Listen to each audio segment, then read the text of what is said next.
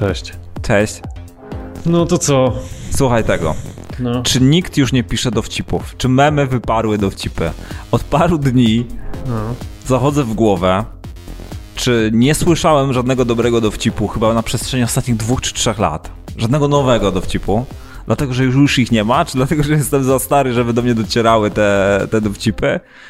A komicy nie piszą dowcipów? Ci, którzy Ale i tak się też zastanawiałem, czy stand-up to jest dowcip, tak w sensie tak, taki, wiesz, kawał, co się opowiada znajomym przy piwie, czy coś takiego. Myślę, że są tacy, którzy e, stand-uperzy, którzy robią właśnie dowcipy.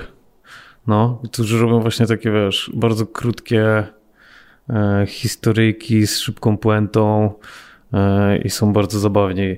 Jeden jest taki od takiego dark humoru, nie, nie pamiętam jak się nazywa ten typ. Czy oni teraz wszyscy nie są od dark humoru? Czy Nie. wszyscy nie są cyniczni w tym swoim poczuciu humoru, wiesz? Trochę niepoprawni, nieco wulgarni. I wiesz, to tak mi się wydaje. Ja się na tym w ogóle nie znam, e, w sensie nie mam jakiegoś tam zaplecza teorio e, literackiego ani z tym stylu, ale mi się wydaje, że to, co stand-up odróżnia od kawału, to jest to, że stand-up jest jednocześnie zagrany, że masz tą część aktorską, która musi zostać wyperformowana, żeby całość była zabawna. A dowcip wystarczy trochę powiedzieć, czy po- opowiedzieć jeszcze raz, nie? Czy przeczytać nawet czasami komuś. Dlatego, a, a zastanawiam się dlatego, że, że, że Elon Musk ostatnio na tym swoim dosyć, e, dosyć głośnym e, speechu czy rozmowie na Clubhouse, o którym ostatnio gadaliśmy, e, sypnął kilkoma aforyzmami, między innymi takim, że ten, kto kontroluje memy, ten kontroluje wszechświat. No. I on tutaj zrobił nawiązanie do, e, do Duny, bo w Dune był ta, była taka fraza, że kto kontroluje melanż, taką przyprawę do latania w kosmosie i tak dalej, kontroluje cały wszechświat, więc e, zrobił przy okazji taką nie, aluzję, że memy są taką, wiesz, to że to jest niemalże minerał napędzający, e, napędzający uniwersum człowieka. Nie? Coś ty pewnie, kurde, jest, ale tak się przy okazji e, no, pochyliłem nad śmiercią dowcipu, nie? Ja słuchaj, e, czytam ostatnio biografię Keynesa e, i Jakiego Keynesa? no tego John Mi- Miral, Tego, e, brat ekonomisty. Ekonomisty. Okej. No i on, jak zaczynał, to miał takie publicystyczne zapędy, Mhm. że on jakby, no, chyba jego pierwsza książka jest taką krytyką tego traktatu e, po I wojnie i tego, że Niemcy mają płacić e, reparacje i w ogóle jak wyglądał ten, jak wyglądało to ca- całe spotkanie, na którym to ust- ustalali te zasady. No. I to było bardzo takie publicystyczne, on się stał dzięki temu super popularny, bo było łatwe do przeczytania. I co z tego wyszło? On był pewnie najbardziej poczytnym ekonomistą w tamtych czasach Mhm. i ekonomistą, którego nikt nie brał poważnie. O, dobre. I to był gość, który był długo sfrustrowany tym, że wydaje mu się, że ma oczywiste takie recepty, jak zrobić, żeby świat działał lepiej. Świat go kompletnie nie słucha. E, Jego recepty to były takie, że Niemcy nie powinny płacić takich reparacji, e, że nikt nie będzie chciał płacić jakichś długów zaciągniętych przez dziadków i tak dalej, że to jest po prostu bez sensu i powinni to ułożyć. Mm, A drugi taki postulat, chyba jego najistotniejszy postulat taki, to było to, żeby odkleić pieniądze od złota. Że to jest po prostu jakiś stary koncept, który e, sprawia, że, jest, że mamy mnóstwo problemów, że za- zamiast skupić się na, na tym, żeby ceny były w miarę równe e, w krajach, Mhm.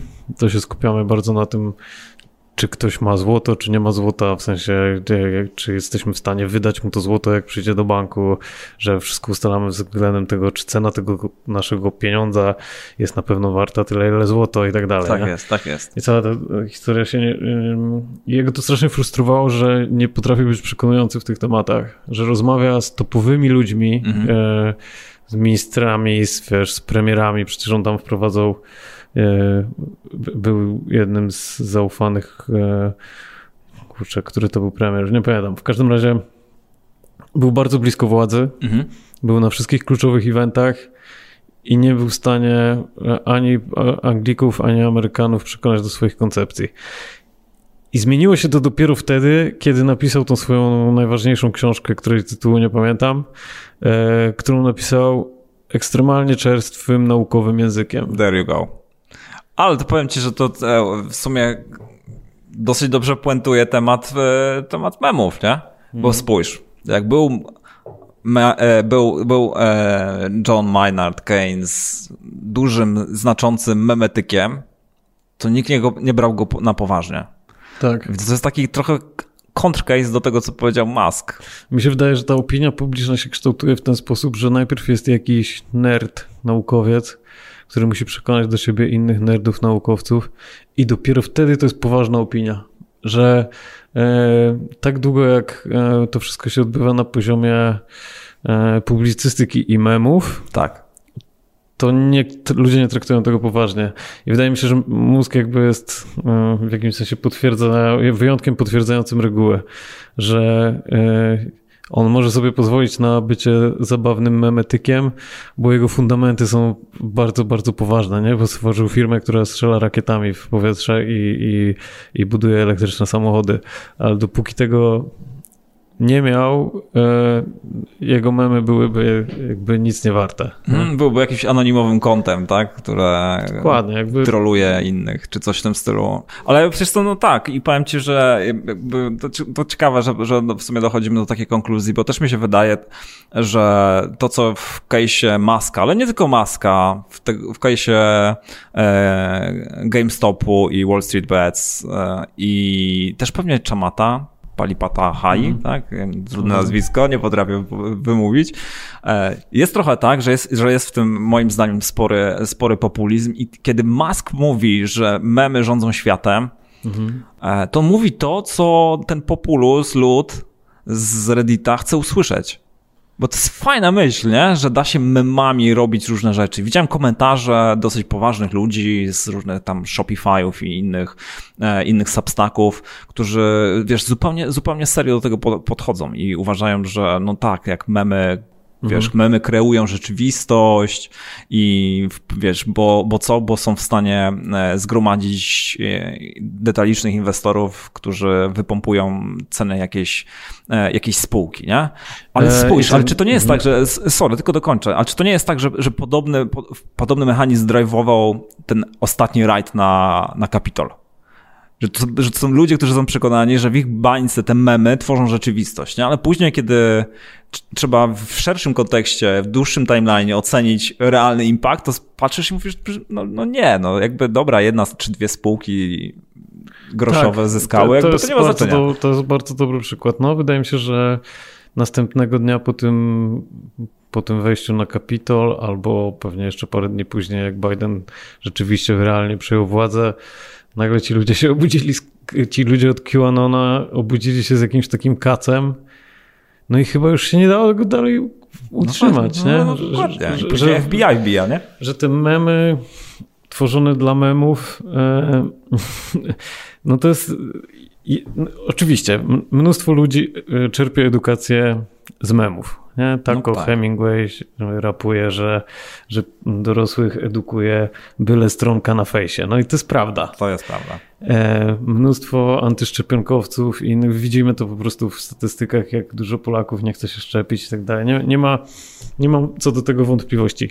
Jednakże pod spodem zawsze jest jakaś substancja albo jej nie ma. Nie? Mhm. W przypadku tego, tej, tej sytuacji z Redditem i, i jakby pompowaniem, pompowaniem akcji, ta substancja była taka, że dużo ludzi mogło w krótkim czasie zarobić sporo kasy. Nie? Tak.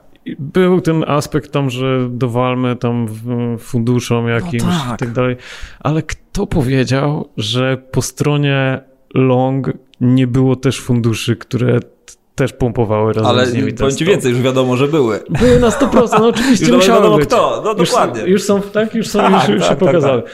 No więc to takie e, jakby dowalanie funduszom, fajne, fajne nakręcanie. Wydaje mi się, że do takich, do takich akcji rzeczywiście można e, memy wykorzystać, ale wszystko gdzieś tam na koniec dnia wraca do normy. No, no to jakby co się stało? Jak, e, kurs akcji GameStop urósł, potem spadł, możemy się rozejść. I tak, teraz do czego zmierzam? No, myślę, że, że w takim trochę, trochę takiej emocji, trochę intuicji po, chyba podzielanej przez sporą część współczesnego e, mieszczaństwa, szczególnie mieszczaństwa technologicznego, buduje sobie jakiś taki case antypopulizmu. Mimo, że jestem przekonany, że populizm wcale jakby jako tak nie jest, nie jest, nie jest zły Mhm. Ale ten populizm, który jest oparty o, o plemienną tożsamość, zauważ, no to nie jest przypadek, że po prostu grupa, czy coraz większa, rosnąca wciąż grupa ludzi zebrała się na Wall Street Bets.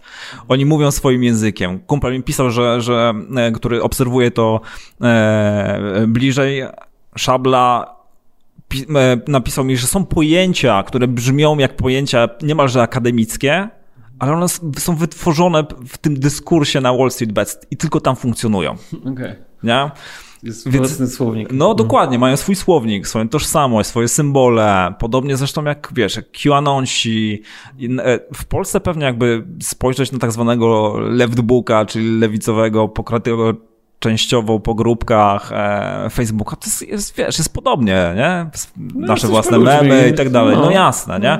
Ale e, zmierzam, zmierzam do tego, że za każdym razem, kiedy, kiedy e, dostrzegam rosnącą liczbę właśnie takich emblematów plemiennej tożsamości, zaczynam, zaczyna mi się włączać, włączać jakieś takie, takie myślenie, że, że oto ktoś buduje bombel, coś, co jest totalnym fejkiem, i co w zasadzie istnieje tylko po to, żeby samego siebie reprodukować. Jakby w realnym świecie to nie ma impaktu. Na dobrą sprawę żadnego. No kurczę, pewnie jakiś impact ma, nie? Ktoś tam wchodzi na ten kapitol w końcu i cztery osoby giną, nie? Więc... Um Wydaje mi się, że ma, wydaje mi się, że y, jesteśmy chyba w takim cyklu koniunkturalnym, przynajmniej marzę o tym, żeby tak było, że trochę, y, że ta pandemia i to, że jednak naukowcy ją wygrywają y, i że jest ta szczepionka, która sprawia, że rzeczywiście w Izraelu jest mniej zachorowań wśród starych ludzi i tak dalej, mhm. Mm, że to trochę odczarowuje ten świat właśnie tej płaskiej ziemi i że, że to usuwanie tych tych botów, tych QAnonów, z, z, z social mediów, e, walka z tymi fake newsami, że to powoli zaczyna działać. I że te, te, te rzeczy, które e, chcieliśmy, żeby Facebook i Twitter zrobił, powoli zaczynają się dziać. Oni je realizują i to będzie miało wpływ na to, jak społeczeństwo trochę się zachowuje. Jak, e, I pewnie też oczywiście te, te fakty na poziomie kto rządzi i kto przez ostatnie lata rządził też ma, też ma znaczenie. W sensie wierzę mocno, że to jest tak jak moda i to się nudzi i znudził się nam trochę ten taki jakiś tribalizm, czy jakieś takie, e, jakkolwiek ten, ten trumpizm nazwać, to taki właśnie ludyczny nacjonalizm i, e, i taka irracjonalność e, w podejmowaniu decyzji i, i marzymy trochę o większym takim spokoju i rozsądku i większej może naukowości w tym wszystkim. Takie mam hipotezy, wiesz, może to jest po prostu moje życie, no, życzeniowe myślenie, mm, ale bardzo bym tego chciał. E, I wydaje mi się, że gdzieś tam widzę jakieś takie, takie zalążki właśnie takiego sentymentu, że znudziły nam się te populistyczne ściemy, te fake newsy, ten jakiś taki odwrót od nauki. I chcielibyśmy chyba trochę wrócić do, do, do, do tej stabilności, no, którą pokazuje pewnie, uosabia w jakiś sposób ten Joe Biden, który rządzi od tygodnia czy od 11 dni i, i nic nie tweetuje, jakby żadnych skandali, nic się nie dzieje. Jest, jest spokój. jest nuda i spokój. Coś w, tym, coś w tym na pewno jest. Mi się trochę wydaje, wiesz co, że e, jakby też wspomniałem o tej, o tej takiej ulotnej, fejkowej tożsamości bez realnego impaktu. E, także w takim, w takim kontekście, już kiedyś o tym mówiłem, że ja jestem, ja jestem osobiście zdania, że ostatnią największą innowacją w interfejsach był Snapchat. Mhm i że żyjemy w paradygmacie Snapchatu trochę w tym sensie, że te wszystkie wybuchy tożsamości mają efemeryczny charakter. Mhm. Nie? One, one istnieją tylko po to i może być może to jest w nich atrakcyjne, że wiemy, że to jest tymczasowe, że to jest moda. Mhm. In a way, nie? jakby jakoś podskórnie.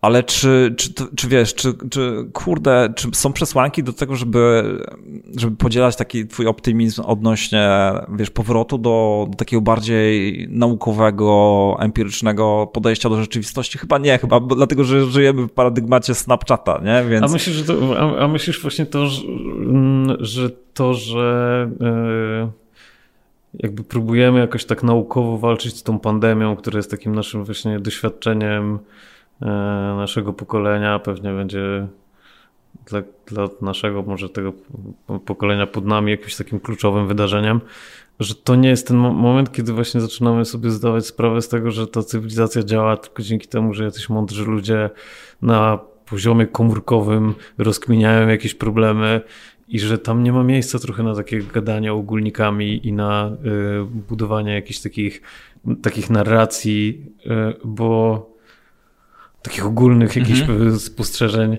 bo liczą się te, te takie, wiesz, bardzo praktyczne fakty i to, co wynika z, tego, jak działa świat po prostu. Kurde, wiesz co, przekonuje. Znaczy, myślę, że, że sporo osób e, sobie przypomniało o nauce. To na pewno.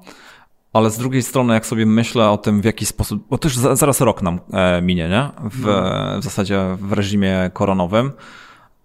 I sobie tak myślę, że to, co do tej pory przeżywaliśmy i przeżywamy z koroną, przypomina, słuchaj, trochę te pięć stadiów żałoby. Mhm. Nie? Że na, na, początku było zaprzeczenie, nie? Mhm. Nikt nie wierzył, że to jest poważne i że w ogóle coś, tydzień, no, tak. co najwyżej, nie? Później był, był gniew, Mhm. Nie? Byli ludzie, którzy byli ewidentnie, to w Stanach najlepiej było widać, ale w Polsce od jakiegoś czasu też, też e, e, przejawy tego gniewu są, są oczywiste. Mhm. E, nie? Jakby gniew na to, że to nie jest prawda, na pewno tak nie jest, co wy nam mawiacie. Ale wyobraź protesty, nie? No dokładnie, ale wyobraź sobie, że, że, że, to, że to jest człowiek, który reaguje na traumatyczną wiadomość. Tak. No nie? Świetne, świetne spostrzeżenie, no. I, co, i co, co, jest później? Jest, później zdaje się jest e, e faza, nie wiem czy od razu jest de, depresja. Nie, zaprzeczenie jest na początku, okay. później jest gniew, później jest albo depresja, targowanie albo się. targowanie się. I chyba trochę teraz powoli wchodzimy w targowanie się, tak? I mhm. Już rozumiemy, że to nie jest tak, że koronę da się zignorować, mhm. Bo zbyt duże żniwo zebrała realnie i wszyscy y, albo w bliższym, albo w dalszym otoczeniu mają kogoś, kto rzeczywiście poważnie ucierpiał. Mhm. Więc nie da się tego po prostu ignorować, mhm. ale należy to zacząć jakoś oswajać. A i, i, chyba, szczególnie na zachodzie, e, wchodzimy powoli w fazę depresji, a wnioskuję to po tym, ile, ile głosów jest na temat tego, że e, korona zaczyna nabierać endemicznego, jak to się mówi, charakteru. Mówiąc krótko, że zostanie z nami na zawsze. Mhm. Nie? To jest depresja. Okej, okay, we're fucked. Nie? To jest koniec. Tak. I gdzieś tam dopiero na końcu, na końcu pewnie na, przyjdzie taki moment, gdzie, gdzie pogodzimy się z tym, że, że jest jak jest i zacznie, zaczniemy tą traumę przepracowywać, o czym też ostatnio rozmawialiśmy, nie? Kurczę, no, myślę, że ładnie, żeś to powiedział. No dzięki, nie? Ale tak, to jest... jakby yy, myślę, że trafiłeś, no. Myślę, że jesteśmy w fazie prawdopodobnie depresji, ja w tej depresji mam jednak ogromną nadzieję do tego, że właśnie e, w jakimś niesamowicie krótkim czasie udało nam się zrobić te szczepionki i może za chwilę, jeżeli będzie, będziemy równie sprawni z ich dystrybucją, e, tylko że może właśnie ja się targuję. Może jeszcze nie dojechałem do depresji. Bo nie, wiesz co, ale spójrz, mi się wydaje, mi się wydaje, że teraz szczepionka stała się problemem politycznym, ale nie, nie politycznym w sensie medialnie, że media gadają o tym, tylko że to jest problem tego, że są państwa, które mają dostęp albo nie mają dostępu, mhm. mają dostęp w większym albo mniejszym zakresie, mają zasoby, żeby ten dostęp sobie e, jakoś zagwarantować bądź nie. Więc i w tym sensie to jest e, problem, problem polityczny. Myślę, że e, ja tutaj wydaje mi się, że jestem racjonalnym optymistą, tak mi się, tak mi się wydaje, ale ja też przyznaję otwarcie, że chcę, żeby się to wszystko udało ogarnąć w tym roku, chociaż nie jest to przecież pewne, ale mi się wydaje, że do końca roku zobaczymy, że, że tych producentów szczepionki będzie, będzie mnóstwo i spodziewam się, że będzie sporo też narodowych producentów szczepionek i że pod koniec tego roku szczepionek, szczepionek będzie masę. Mhm. Nie? Że może w 22 e, realnie zakończymy temat, ale że ta, ta potrzeba, e, potrzeba produkcji szczepionek, bo to nawet nie do końca teraz dystrybucja jest problemem, tylko to, że nie ma, że nie ma wystarczającej podaży, nie? Szczepionki. Tak, no. Nie? To, to doprowadzi do. To, do, i, do, i to, tylko to właśnie wydaje mi się, że jest łatwo rozwiązać, bo to jest w interesie tych producentów szczepionek, żeby to rozwiązać, nie? Jest demand, e, więc czemu nie ma, nie ma być podaży? E, problem będzie, problemem jest dystrybucja. No. To dystrybucja, gdzie po prostu nie, nikt tego nie potrafi dobrze zorganizować poza Izraelem. Nie? Ale spójrz, dystrybucja jest problemem, dlatego że podaż jest niewielka, że mamy niedos- jakby jest niedostatek samej szczepionki, bo gdyby było szczep- jednostek szczepionki odpowiednio dużo, to nie musisz w zasadzie dbać o dystrybucję, możesz, ją, możesz zrobić to, co zrobili e, w Izraelu. Oni mieli dużo szczepionki, więc po prostu zaczęli ją wydawać wszystkim. Rozdawać, no. No, nie? i zapisywać tylko komu dali, that's it. Ja, więc e, tak jak wspomniałeś, producenci ci aktualni, Pfizery i tak dalej, w ich interesie jest to, żeby, e, żeby naturalnie, żeby tej szczepionki wyprodukować jak najwięcej, bo zrobią na tym kupę kapuchy. Zdaje się, że Pfizer e, zaprognozował 15 miliardów dolarów rewę na ten rok. Nice. Za samą szczepionkę? Rewę czy zysku? Rewa zdaje się, mhm. ale nie dam sobie nic obciąć.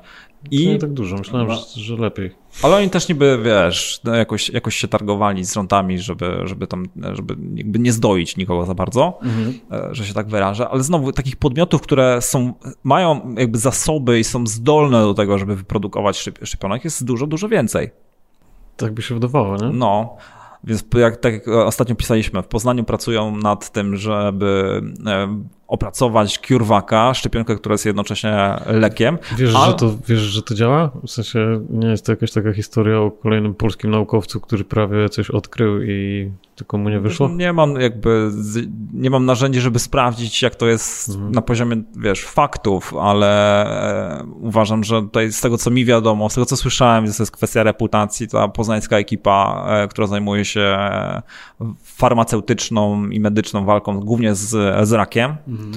Ona jest mocna, więc, więc wierzę, wierzę albo chcę wierzyć, że, super, że no. faktycznie, no. nie? Ale z tego, co, co też czytałem, to są zdolności do, w Polsce do tego, żeby możliwości, żeby, żeby szczepionkę produkować. Więc wnioskuję, że ponieważ popyt jest gigantyczny, jest polityczna i biznesowa e, biznesowa motywacja do tego, żeby, żeby ta szczepionka, żeby tych, szczepionek było jak najwięcej, mhm. to spodziewam się, że producentów będzie dużo więcej, że samych jednostek szczepion szczepionki będzie dużo więcej i że najpóźniej na początku przyszłego roku e, sobie poradzimy z sytuacją. Chciałbym w to wierzyć. A myślisz, że poradzimy sobie z e, globalnym e, zmianą klimatu?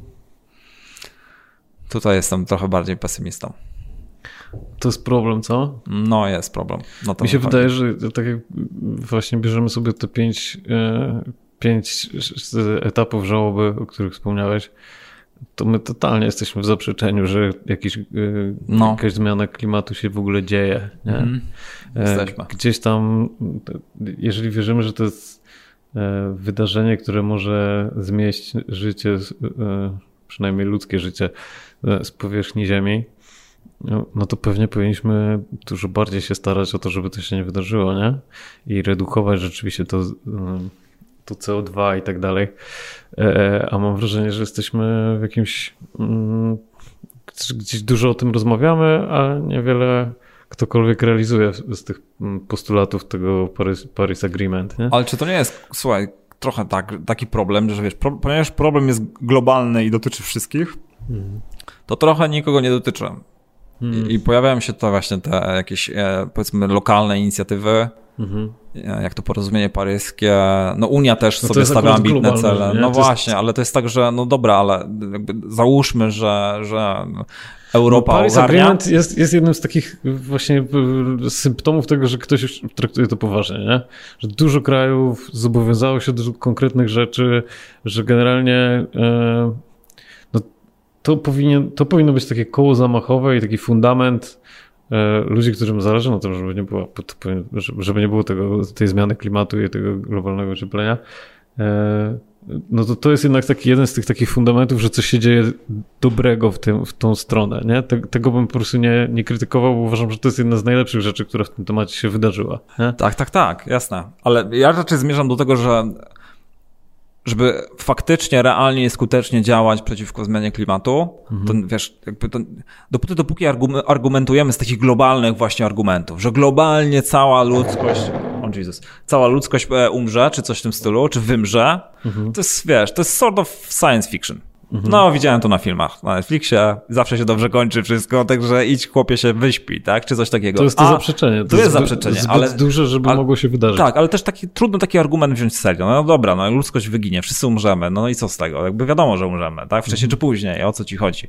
Ale jak, jak spojrzysz na to z perspektywy lokalnych problemów i lokalnych kosztów i mhm. chyba na przykład to tak działa w Chinach, ja nie jestem zna, super znawcą tematu, ale wydaje mi się, że Chin, w Chinach to wyglądało mniej więcej tak. Oni się połapali, że ten cały smog to nie jest po prostu brzydka mgła, która śmierdzi, tylko że im to zabija mnóstwo ludzi, mhm. generuje im to gigantyczne koszty w służbie zdrowia, przeszkadza w biznesie, ludzie uciekają, nie chcą, tam, nie chcą mieszkać w miejscach, gdzie to, teoretycznie powinni mieszkać, bo jest przemysł, tak? Mhm. E, więc mamy problem natury ekonomicznej. Więc lepiej byłoby to jakoś zaadresować, nie? żeby te koszty, koszty zniwelować i wrócić do, do pożądanego wzrostu. Ale, ale to jest zupełnie inna gadka niż, niż historia o tym, że ludzkość idzie ku, ku zagładzie, tak? Ja czytam taką książkę teraz na ten temat właśnie, The Ministry of the Future i to jest książka o tym, co się stanie, jak będziemy jeszcze trochę dalej w tym temacie i już trochę będzie jeszcze cieplej na naszej planecie i, mhm. i, ten klimat zacznie nam się bardziej dynamicznie zmieniać. I tam jest opisywana trochę taka sytuacja, że, że to nie będzie dotyczyło wszystkich równomiernie, e, tak. ta zmiana klimatu, nie? że kraje południa, tam akurat są Indie wymienione, odczują to dużo bardziej niż, mm, niż reszta planety, nie? więc tam jest nagle fala upałów w Indiach, mhm. Umiera 20 milionów ludzi, i to jest nadal bardzo mało ludzi jakby w stosunku do populacji Indii, ale to jest ogromna rzesza ludzi, no która umiera w dwa, w, w, dwa tygodnie. Nie? I to jest jakby e, traumatyczne przeżycie dla całego świata, ale przede wszystkim dla Indii. I tam jedną z recept y, Hindusów jest to, że zakładają organizacje terrorystyczne i stosują terror indywidualny po to, żeby, y, żeby tych największych trucicieli E, czy tam tych największych wiesz, wydobywaczy mm -hmm. węgla, czy mhm. spalaczy mm -hmm. węgla. Trucicieli. E, jakoś tam e, właśnie na poziomie ter, ter, takiej przemocy fizycznej mm -hmm. e, na, na, to wpływać, nie? Akcji bezpośredniej. I to jest jakby ciekawa w ogóle wizja e, tej przyszłości, gdzie to jest taka bliska przyszłość, gdzie niewiele zrobiliśmy, gdzie wydaje się, że jakby jesteśmy na na kursie y, kolizyjnym właśnie z taką wizją przyszłości, mhm. E, gdzie tymi, gdzie ten, to globalne ocieplenie dotyczy nie wszystkich, e, a jednak jakby tą cenę będzie trzeba zapłacić w jakiś sposób, nie? Że, że, że, że nawet jeżeli to dotyczy południa, które i tak jest mu gorzej i tak dalej, to my i tak tutaj w Europie nie możemy się czuć bezpiecznie. Nie? A, Pomimo tego, że jesteśmy na północy i powinno Wiesz co, teraz, teraz to do, do, mnie, do mnie dotarło. Pamiętasz kryzys migracyjny w Unii, nie? Mhm. I tam te wszystkie mhm. obrazki też, jak się w, e, islamem w Polsce straszyło coś śmieszne. Tak. Czy to nie, przecież mnóstwo, ty, mnóstwo tych, tych migrantów to wcale nie byli, wiesz, Syryjczycy, nie? To byli ludzie, którzy uciekali z tego południa, które już teraz jest trochę zbyt nagrzane. Mhm. Jest problem z, z dostępnością pożywienia, bo rolnictwo jest w wielu regionach praktycznie niemożliwe. Mhm. Więc to jest trochę tak, że myśmy tej przeszłości już przyszłości posmakowali nieco, nie? No i to jest jakaś tam mm, teza za tym, że, y, że ta równość, czy nierówność ekonomiczna y, jest problematyczna i ta nierówność klimatyczna jest problematyczna, nie? Że jakby y, co z tego, że to bardzo mi to przypomina sytuację teraz, która jest w, Kalifornii, w, Bay Area, w, w, San Francisco, gdzie jest mnóstwo bezdomnych, nie? Mhm. I ci bezdomni mieszkają w namiotach, generalnie mają bardzo trudne warunki życia, no i oczywiście pojawia się przestępczość, nie? Oczywiście kradną, oczywiście, nie wiem, napada, napadają na ludzi, biorą narkotyki i tak dalej, nie? I ta przestępczość mm, jest w jakimś sensie taka systemowa, bo oni nie mają innego wyboru w jakimś sensie, nie? że mhm. jakby tą, tą nierównością społeczną sprawiliśmy, czy oni sprawili, że, że ta cywilizacja w jakimś sensie przestaje działać, nie? Że, że ci ludzie, którym nie wyszło, zostają skazani na to, że muszą mieszkać na ulicy. Nie? I, I trochę ta nierówność klimatyczna chyba na końcu też się tym, tym objawi, nie? że to E, że potem ci bogaci ludzie e, z Bay Area muszą się odnieść jakoś do tego kontekstu tych bezdomnych na ulicy, muszą po prostu z nim, z nim wchodzić w interakcję, czy by chcieli, czy nie, nie? Czy to jest estetyczne, czy nie. Słuchaj, to w kontekście tego, co powiedziałeś, e, super jest znaczący i symboliczny ten e, ruch migracji z San Francisco do Miami. Mhm. Spójrz, można po prostu porzucić problem. Mhm. Po prostu go porzucić i tyle. Kropka. I, tak, i to sprawia, że ten problem jeszcze bardziej się yy, powiększa, nie? W, tym, w tej Kalifornii właśnie. No nie? jasne, ale też, że, że żeby się wy, wypowiedzieć takim e, partyjno-marksistowskim językiem, no walka klas się zaostrza, nie? Bo ta mhm. różnica majątkowo-dochodowa mhm. staje się tak przemożna że nie sposób e, jej zignorować. No już w San Francisco ona się objawia tym, że ludzie koczują na ulicach. Słyszałem, czytałem na Twitterze głównie jakieś, jakieś dziwne historie z tego San Francisco. To jest ostatnie miejsce, które chciałbym w Stanach chyba odwiedzić obecnie. Nie? No ja tam byłem parę lat temu, już wtedy było ciężko. E, a teraz jak widzę jakieś tam właśnie filmy z e, czy to San Francisco, czy z okolicznych tam miejscowości, czy z LA, no to wygląda tak, jakby po prostu tam była jakaś wojna domowa i uchodźcy mieszkali na ulicy, bo nie ma gdzie mieszkać, nie? No crazy to jest. To, no. jest, to, to jest szaleństwo. Ale z drugiej strony ktoś mógłby zapytać, a co mnie to w Polsce obchodzi? że, w, że Amerykanie nie ogarniają, bo jest taka trochę percepcja na zachodzie teraz Stanów, nie? że to jest takie państwo, które się trochę ku upadkowi chyli, nie? Bogaci, są turbo bogaci, e, są bezosy i tak dalej, a, na San, a w San Francisco nie małym mieście, mieście mhm. trochę legendarnym, tak? No, no sceny jakieś takie zupełnie drastyczne dramatyczne. No dla nas to jest jakaś taka lekcja, czy wiesz, czego nie robić, nie? E, a, a czy my wystarczająco dużo robimy, żeby tak u nas nie było za parę lat? Ciężko dobre, powiedzieć, nie? Dobre pytanie, no. Wydaje mi się, że mamy pewne jakieś tam fundamenty, żeby tak nie było, e, typu służba zdrowia za darmo, ale mamy też dużo rzeczy, które sprawiają, że może tak się stać, no bo chociażby depopulacja nie? i to, że nie mamy za bardzo na to żadnej odpowiedzi.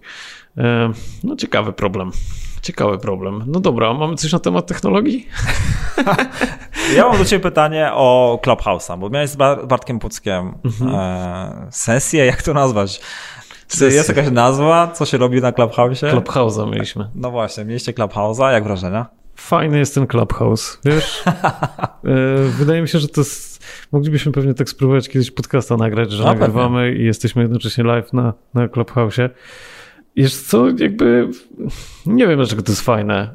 E, z jakiegoś, wiesz, po prostu prowadzisz sobie rozmowę i ktoś teoretycznie tego słucha i możesz wejść z tą osobą w interakcję, jak ona się zgłosi. E, tego akurat podczas naszej rozmowy z Bartkiem nie, nie spraktykowaliśmy, nie mhm. wiedziałem jak to działa. E, wczoraj byłem na jakiejś sesji Wiktora, e, mojego wspólnika Wiktora Schmidta i tam było więcej takiej interakcji z publicznością i to też było spoko. Więc jest, jest coś w tym. Jednocześnie wolę podcasty, mhm. bo przynajmniej od tej strony takiego, wiesz, y, czerpania wiedzy, czy słuchania tego jako, właśnie jako słuchacz wolę, wolę podcasty, jako nadawca, no to w sumie Obojętnie. jakby feeling jest podobny, nie? No, odnoszę no. podobne wrażenie, ale też mi się wydaje, że, że, że Clubhouse to jest taki trochę wczesny chyba Twitter teraz. E, no zdecydowanie jakbyś udało im się to fajnie wypromować. Mm, przyciąga to spoko publiczność. E, pewnie fajnie by było tam porobić jakieś firmowe clubhouse'y, mhm. E, bo to jest bardzo wygodne, jakby są te notyfikacje, że ktoś z twoich znajomych coś tam nadaje teraz, więc to jest, w tym sensie to jest wygodne i dużo mm, łatwiej można kogoś zwabić na taki event niż, niż te eventy takie na Zoomie czy na innych tego typu e, narzędziach do, do webinarów. Więc to jest to, ta bariera wejścia jakby poza oczywiście zaproszeniem, jak już się ma zaproszenie do Clubhouse'a, to to jest super łatwe. Tak. I pewnie tak to się, na, na, tym to się skończy. No, mam, mam taką tezę, że jednak tam będą się odbywały jakieś takie komercyjne imprezy, e, gdzie są speakerzy, taki content marketing trochę. Mhm, no pewnie tak.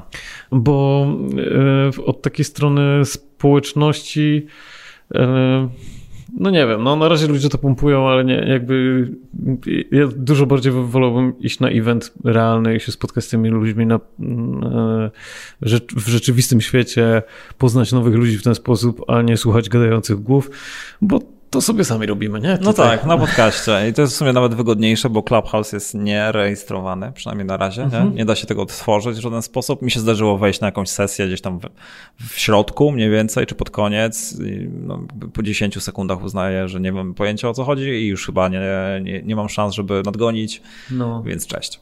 No. Nie, więc... No. Ja mam mieszane uczucia cały czas względem Clubhouse'a. Tak jak rozmawialiśmy ostatnio, fajnie, że ktoś się rozkręca, że coraz więcej polskiego kontentu jest, to jest też super.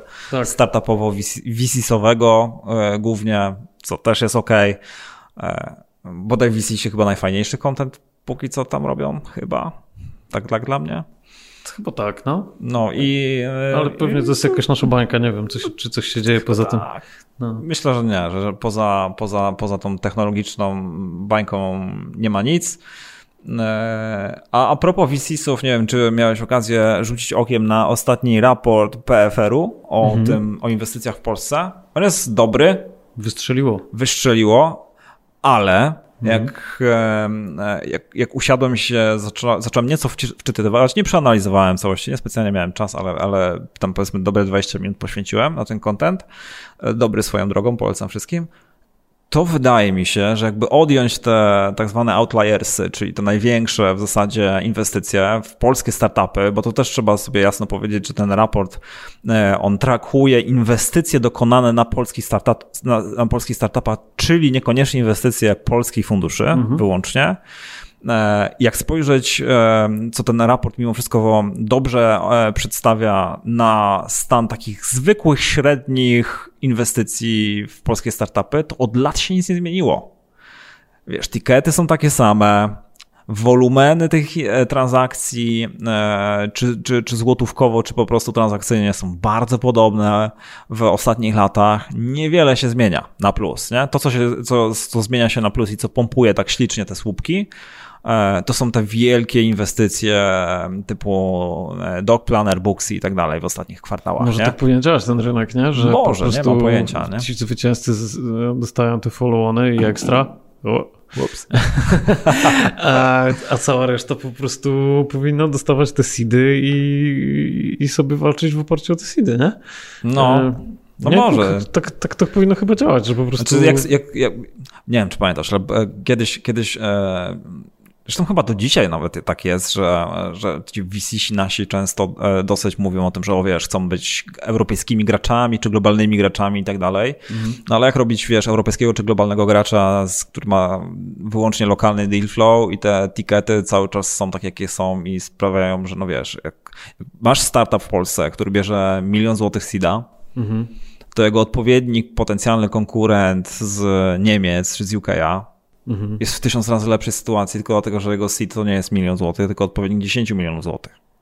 No, e, tak. Więc czy to nie jest tak, że, że, że, rzeczywiście ostatecznie nie mamy specjalnych szans na to, żeby, żeby robić inne rzeczy niż rzeczy lokalne, również ze względu na to, że nam się ten funding specjalnie tutaj nie zmienia. Mi się wydaje, że jakby zawsze w tym biznesie na początku w Seedzie e, najwięcej najwięcej wynika z tego, czy jesteśmy w stanie ocenić, czy founder e, sobie poradzi, czy on jest zaufany w jakimś sensie, czy, czy jest otoczony jakimś ekosystemem, który znamy i tak dalej. I ta lokalność VC na tym wczesnym etapie jest hiperistotna. I mm, co więcej, wydaje mi się, że e, jak wchodzisz na późniejszym etapie w taką spółkę, to w jakimś sensie patrzysz też przez ten pryzmat, dlaczego, z kim oni pracowali na początku, mhm. dlaczego nie ma tam nikogo z Polski, czy to jest na pewno dobra informacja, że nikt z Polski nie biduje o, o wejście do kolejnej rundy i tak dalej,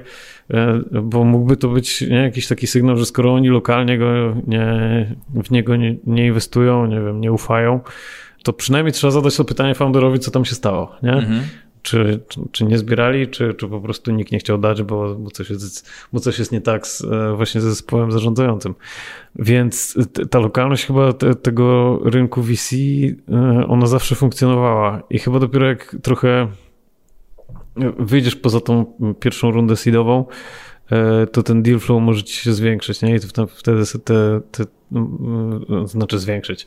Tych spółek jest mniej, którym się udało, więc, więc ten deal flow jest e, liczbowo mniejszy, ale może być bardziej powiedzmy e, różnorodny geograficznie mhm. Mm, i może już być mniej uzależniony od tego właśnie skąd pochodzisz, a bardziej na temat tego, co ci wychodzi, nie? jak ci idzie jako spółce. Tak przynajmniej ja, mi się wydaje, że ja obserwuję, jak ten, ten rynek działa.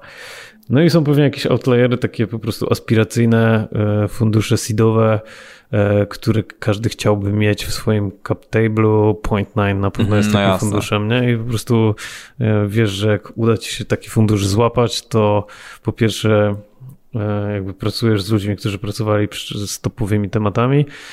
Dwa, jest to taki, jest, jest to jakaś taka pieczątka, że że robisz dobrą robotę, nie? Mhm. ale to z definicji no, takich ekskluzywnych miejsc jak, jak Point Night nie może być dużo, nie? No pewnie. E, więc, więc ci lokalni nasi VC mają dużą pracę networkingową do wykonania i chyba ją właśnie bardzo fajnie wykonują, nie? Bo na przykład Borys Musielak wydaje mi się, że jest e, jakby świetnym przykładem tego, jak można taką pracą u podstaw i taką otwartością e, wejść i, i, i dostać się do wielu, do, do, wielu rund i do wielu projektów, mhm. nawet właśnie nie mając jakiegoś ekstremalnie dużego zaplecza, e, czy nie wiem, właśnie nie inwestując jakichś ogromnych kwot, po prostu inwestując normalne takie polskie tikety. Nie? Jak to w ogóle brzmi polskie tikety. I to jest ekstra, jakby ja to podziwiam, uważam, że to jest e, wiesz, duża zdolność właśnie takiego bycia dostępnym, e, łatwym w kontakcie e, i takiej po prostu też walki o ten pipeline. No, przecież Borys bardzo dużo robi, żeby być widocznym e, i walczyć o ten pipeline. Nie? Więc wydaje mi się, że to nasza scena startupowa jest z każdym rokiem coraz mocniejsza, a to, co chyba jest najlepsze, to to właśnie, że ta ewolucja tych projektów różnych naszych, czy to właśnie sukcesów, czy porażek, ona bardzo wpływa na to, jaki mamy rynek, jeśli chodzi o talent. Mhm, to na pewno.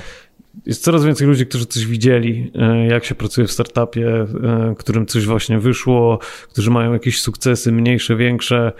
I, I to będzie się tłumaczyło na kolejne projekty, które, e, kolejne projekty, które będą właśnie pokroju takich projektów jak Booksy, czy, czy Brainly, czy Doc Planner, e, bo wszyscy ci ludzie, którzy prowadzą te projekty, prowadzili coś wcześniej, nie? Mhm. co było mniejszym lub większym sukcesem. I to jest no po prostu szkoła życia, no. No, ale to bardzo ważną rzecz moim zdaniem powiedziałeś, zgadzam się z tobą w 100%, że z pewnością to, co w ostatnich latach udaje się dobrze wypracowywać w Polsce, to jest ten talent pool. I to dotyczy nie tylko talentu technicznego, który w Polsce jest super, bo mamy rewelacyjnych e, inżynierów oprogramowania, ale nie tylko. Mamy też świetnych projektantów, nie mamy się czego wstydzić.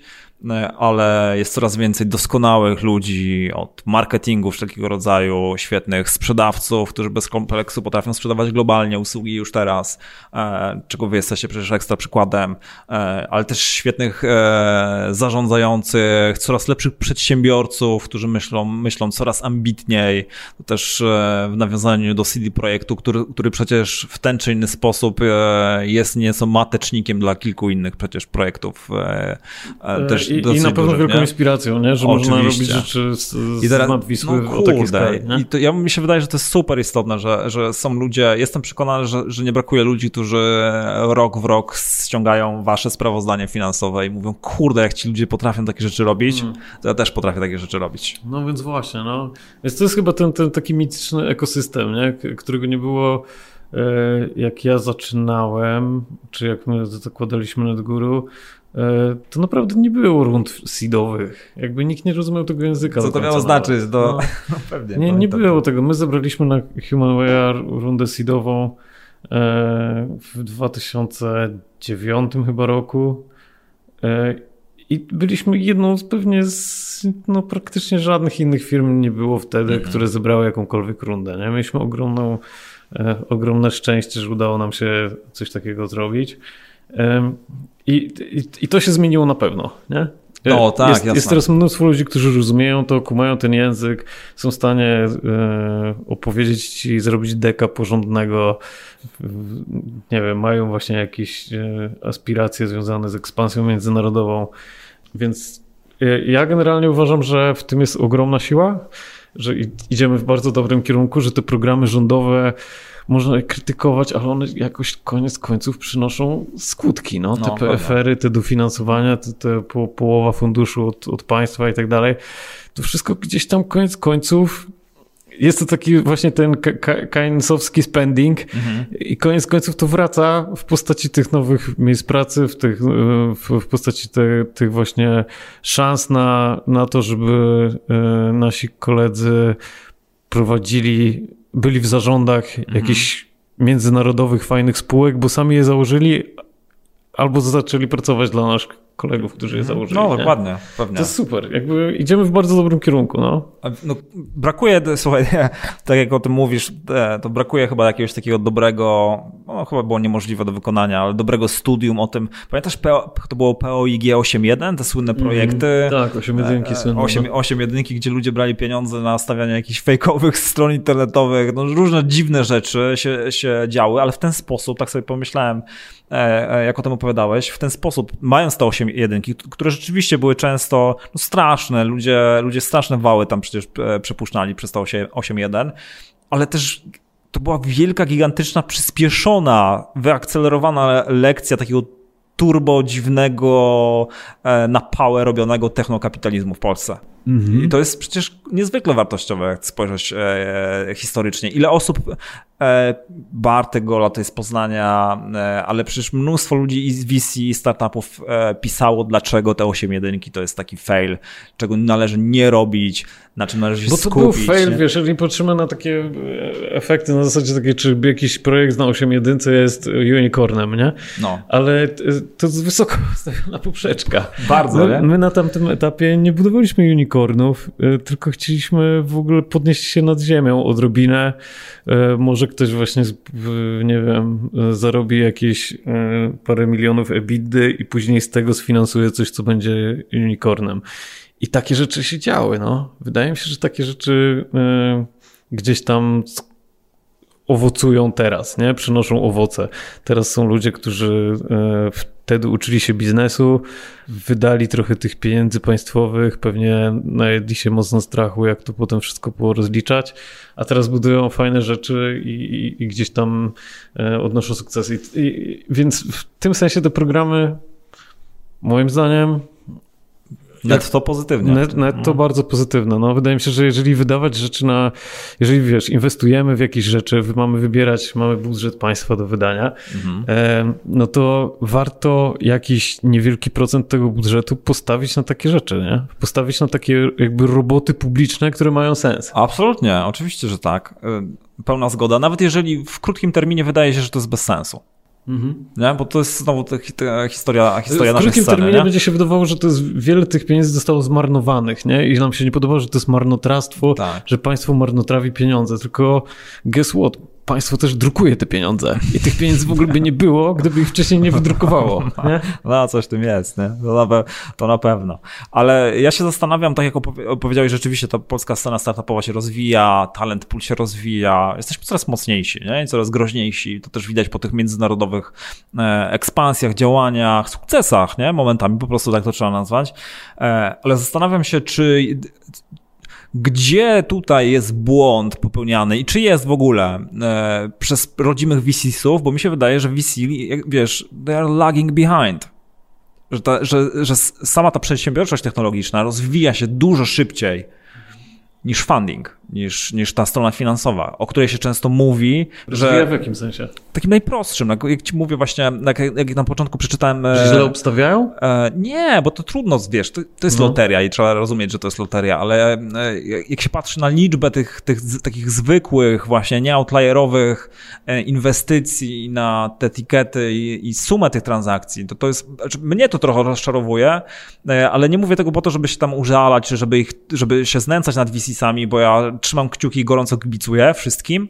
Tylko zastanawiam się, czy to nie jest tak, że, że ten polski e, ekosystem e, może to się dopiero tworzy i trochę za bardzo za bardzo jeszcze zajmuje się imitacją tego, co, co gdzie indziej wydaje się, że działa, a za mało jest tutaj jakiejś w cudzysłowie polskiej specyfiki, bo jest coś takiego jak polska specyfika. Się wydaje, że wszyscy się uczymy, no. A to na pewno, nie?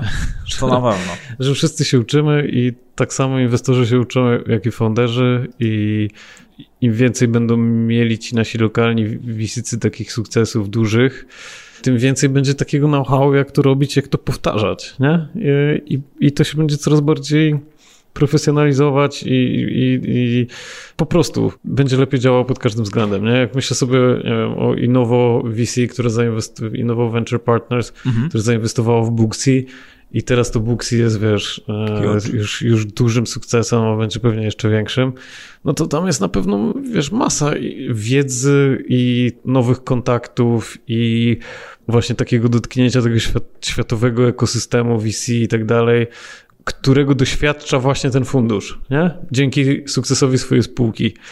I to też będzie procentowało w tym właśnie, że to, będzie, że to będą coraz lepsze fundusze, będą zbierały więcej pieniędzy z rynku, będą w stanie ściągnąć, e, ściągać fajnych partnerów kolejnych, będą w stanie pewnie pomagać lepiej tym spółkom, w które zainwestowały i, i, i jakby dociągać ich do tego etapu, czy, czy nie wiem, pomagać im zbierać ten kolejny etap, gdzie dochodzi do tego kolejnego etapu, gdzie, gdzie są te rundy A, B i tak dalej, nie? E, więc nie wiem, mi się wydaje, że jesteśmy jakby w centrum jakiegoś cudu gospodarczego. No, to na pewno. Że nam wychodzi. Trochę patrzymy na to tak na zasadzie, że chcielibyśmy, żeby nam wychodziło tak jak w Silicon Valley i, i mamy wobec tego kompleksy, ale jak na, jak na, wiesz, jakby głębokość tego rynku, to idzie nam naprawdę bardzo spoko. Ja, no, oczywiście. Oczywiście, że tak. Mi się wydaje, że częścią problemu jest właśnie, e, być może, nie? Ja tam jestem oczywiście amatorem, ale od czego podcast, jak nie oddzielenia się opiniami o rzeczach, o których się nie ma pojęcia. E, mi się wydaje, że to jest, że, że, brakuje, brakuje jeszcze jakby dobrej rozkminy mocnej odnośnie tego, jak to działa w Polsce i co rzeczywiście w Polsce warto, warto tak na koniec dnia robić, bo e, nie wiem, czy pamiętasz, myślę, że to e, pamiętasz, że przez dziesiątki lat e, był taki gigantyczny push, startupy muszą iść na zachód, tak, e, trzeba jeździć, były takie wyprawy, nawet konkursy jakieś, że mm -hmm, wyprawiamy founderów do Krzemówki, żeby nasiąkli tamtą kulturę, no takie w tak. zasadzie, w zasadzie, wiesz, plemienne, magiczne, magiczne, rytualne zagrywki, zupełnie bez znaczenia. To miało jakiś tam sens, w sensie ci founderzy rzeczywiście pojechali do tego Silicon Valley, zobaczyli, że to są tacy ludzie to, tą, tą samą krwią, tą, tak samo krwawią jak oni i tak dalej, że to nie jest, że to nie jest inna, inna cywilizacja kompletnie, ale no to nie był pewnie ten kierunek, gdzie tam rzeczywiście trzeba byłoby zamieszkać w Silicon Valley i wtedy to na pewno się uda. No, no, no nie, no, wiesz, no. Później wracałeś do Warszawy, czy do Poznania, czy do Wrocławia, czy Krakowa i wiesz, no. no zostawały tylko piękne wspomnienia, nie? Więc, Więc ale, to złe. ale takie ślepe ulice są pewnie jakimś elementem tej ewolucji. No, no musimy, nie, oczywiście, oczywiście. Musimy się z tego uczyć, wyciągać wnioski, robić rzeczy trochę po swojemu i trochę się nie dać właśnie zagonić do tej takiej y, drugiej ligi, która się musi prosić o rzeczy, tylko po prostu być pewni siebie i wiesz, y, mieć głowę podniesioną wysoko. I puszować, jasne. I puszować i gdzieś wygrywać tymi przewagami, którymi może, możemy wygrywać. True, pewnie. Jakąś tam ciągle różnicą ceny, czy może e, byciem sprytniejszym. No, Jestem bullish. E, ja bardzo. No. Ja też jestem bardzo bullish i pozostaję optymistą. Wydaje mi się, że, że e, przyszłość będzie dobra, czy nawet może, może nawet bardzo dobra. Ale tak jak Chińczycy czasami mówią, czy chińska partia e, komunistyczna mówi o socjalizmie, o chińskiej specyfice, mają na mhm. myśli socjalizm, który jest kapitalizmem, ale propaganda jest socjalistyczna, tak. to wydaje mi się, że nas e, być może jest coś takiego jak, jak technokapitalizm o polskiej specyfice czy regionalnej specyfice, nie? Wiesz, jak się spojrzy nawet na, na przykład na Niemców, nie? Oni trochę inaczej myślą. Wiesz, Zalando to nie jest coś, co jest po prostu globalne. Jakby mm. nie powiedziałbym, że jest globalne. Mm. Jest regionalne w takim tak. geomakro perspektywie i tak zostało uszyte trochę, nie? Ale mm. to trzeba było być w Niemczech i myśleć tak, jak się myśli w, w szkołach biznesowych bardzo dobrych niemieckich, żeby uszyć, uszyć takie, takie to, to rozwiązanie od tej strony. W ten Mhm. sposób, myśląc o całej Europie jako rynku, nie? na przykład. Wiesz, jakby tego rodzaju myślenia nam to, to chyba jeszcze, jeszcze trochę brakuje, mimo znowu różnych, e, różnych e, takich uliczek Ale ślepych. wiesz, nie? są, są super przykłady, które zrobiły, firm polskich, które zrobiły świetną ekspansję międzynarodową, nie? Na przykład RTB House, na przykład e, Sure. Dog Planner. Słyszałem o NetGuru też coś. NetGuru sobie nieźle radzi na różnych rynkach, e, chociaż jeszcze bym nie powiedział, że mamy taką ekspansję narodową w takim, wiesz, e, międzynarodową w takim tradycyjnym mm, sposób postrzeganą, czyli że mamy ludzi w różnych miejscach e, świata. Mamy kilka osób, ale nie mamy Mhm. dużego zespołu ludzi. Ale tak, jakby y, te rzeczy się pojawiają. Wydaje mi się, że tego będzie coraz więcej, bo właśnie po- powoli zaczynamy mieć know-how, jak takie rzeczy robić i jak je replikować. Y, Ta stara ekonomia, że tak powiem, polscy founderzy czasów transformacji dużo bardziej zajmowali się chyba tym, co się dzieje wewnątrz i jakby zaspokajaniem potrzeb tego rynku wewnętrznego. Wydaje mi się, że no i oczywiście z, z wyjątkami, które pewnie teraz y, radzą sobie najlepiej. A to nasza generacja przedsiębiorców jest gdzieś tam nastawiona bardzo mocno na eksport, nie? E, Właśnie naszych usług, naszych produktów digitalowych i e, gdzie, gdzie CD Projekt jest pewnie kluczowym reprezentantem, nie? Te, te, tego eksportu właśnie. True, true. Ja myślę, że jest miejsce jeszcze na taką strategię lokalnego. To będzie brzmiało bardzo jakby w, tonie pieśni obecnej władzy, ale lokalnego, wybaczcie, francuski narodowego monopolisty technologicznego, że jest dużo miejsca na, na, na byty, na biznesy. Spójrz na Allegro. E, Spójrz na OLX, zanim stał się OLX-em i częścią jakby inkorporowano do OLX-a przez, przez Naspersa. To byli lokalni czempioni, nie? Mhm. To były byty, które przede wszystkim swój sukces zbudowały na doskonałej obsłudze, wcale nie małego Mhm. i wcale nie tak pułapkowego rynku, rynku lokalnego. O, Tak. tym, o tym myślę też trochę, nie? No, jedyne jakieś zagrożenie, jakie widzę, i wydaje mi się, że tą część e, też trzeba jakoś pewnie, nie wiem, ja, wi- ja widzę tam rolę jakąś dla państwa, ale do końca Mhm. nie wiem jeszcze, jak ją zdefiniować. Jest to, że, mm, że naszym founderom trochę.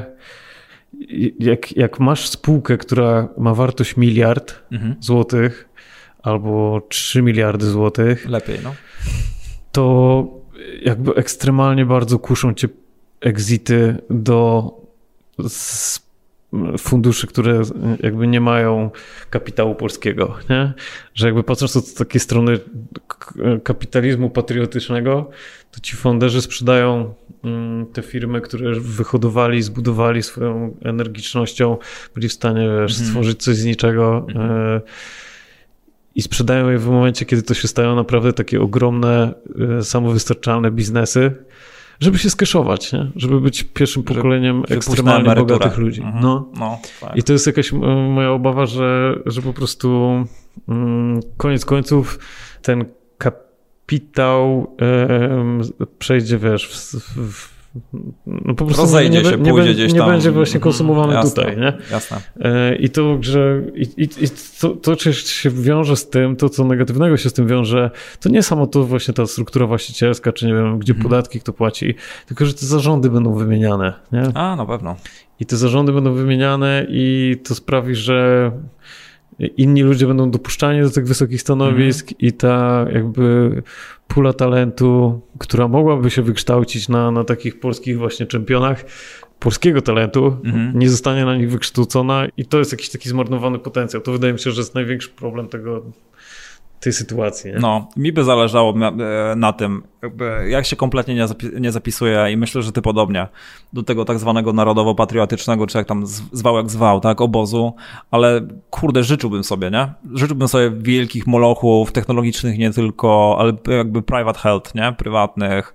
E, Czy nawet Polsce, publicznych, nie? ale właśnie gdzieś tam z dominującym polskim kapitałem. No, wydaje mi się, że to właśnie sprawia, że, że mamy lepsze kadry. Generalnie, No. że to ma ogromny wpływ na to, kto jest dopuszczany do jakich decyzji. I jakby to wydaje mi się, że jest ta, ta, ta esencja tego, tego budowania jakby zaplecza talentu na kolejne, yy, na kolejne dekady. No tak. Nie? No pewnie, jasne. Ale myślę, że jesteśmy na dobrej drodze i że wcale nie potrzebujemy dużo farta, żeby się udało to zrobić w następnej dekadzie czy dwóch. Musimy być sprytni.